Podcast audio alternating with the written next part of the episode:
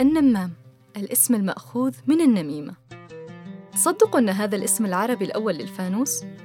الفانوس اللي أصبح اليوم من أهم رموز رمضان عند المسلمين صار زينة تزين فيه الشوارع والبيوت استقبالا لشهر الصوم والخير رمضان ليش النمام؟ وكيف ارتبط برمضان؟ وكل القصص المختلفة عن سبب شهرة فانوس رمضان بنحكيها في حلقة اليوم اللي بتتكلم عن هذا الفانوس من نشأته وحتى الآن هذا موضوعنا وهذه فوانيس رمضان.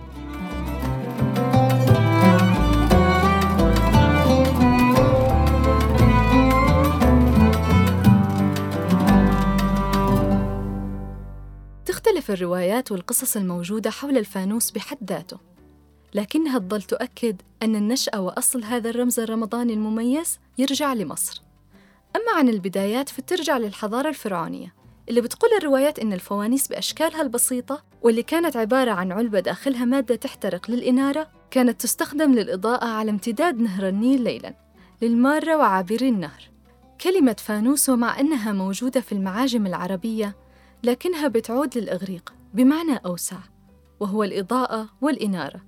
أما الفانوس كمصطلح عربي يعني النمام المأخوذة من كلمة النميمة وهذا المسمى أتى من استخدام الفانوس في الإنارة ليلاً للتجسس والتلصص. فوانيس رمضان مليان الدكان.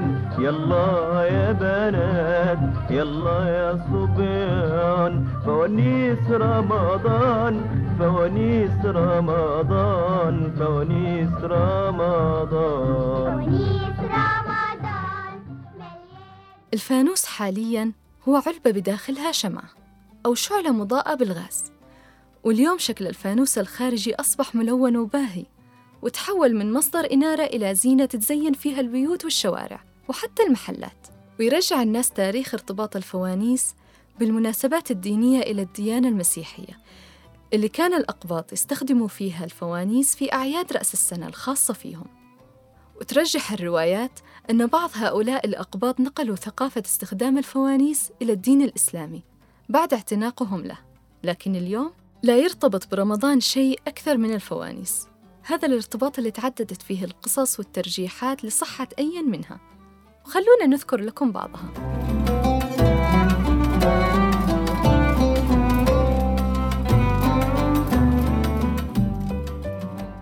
تحكي الرواية الأولى أن أحد الخلفاء الفاطميين وصل من السفر إلى مصر ليلة رمضان فخرج الناس لاستقباله.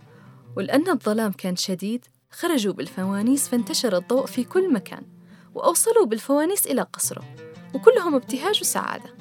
ولأنها مسيرة صادفت حلول رمضان ارتبطت سنوياً بشهر رمضان الكريم. ورواية ثانية تختلف عن الأولى تماماً.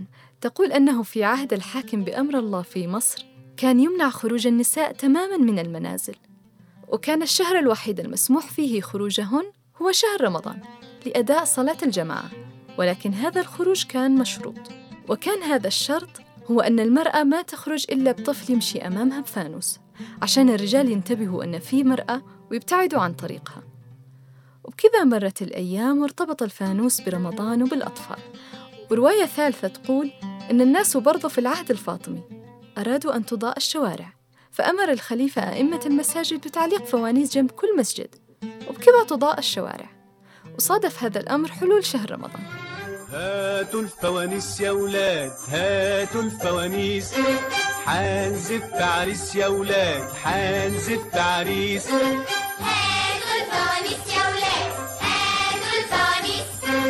حنزف عريس يا ولاد حنزف عريس حيكون فرح وتلات الليلة تلات الليل حنغني ونعمله الليلة.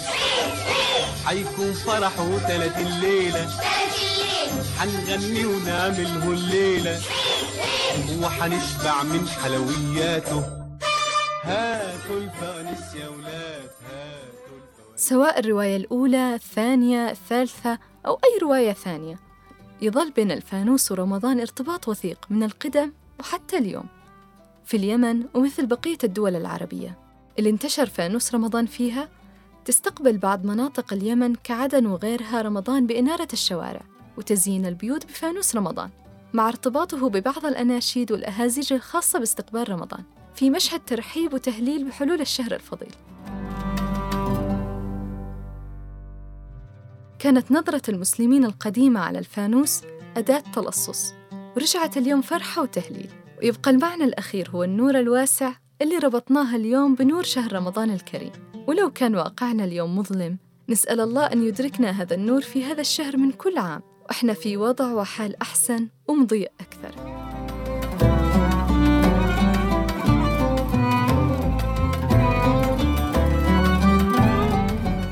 ولا تنسوا تتابعونا في بقية صفحاتنا على مواقع التواصل الاجتماعي عشان تعرفوا كل جديد عنا. والحلقة ثانية والأجواء وعادات وأطباق رمضانية جديدة. لنا لقاء قريب. سلام.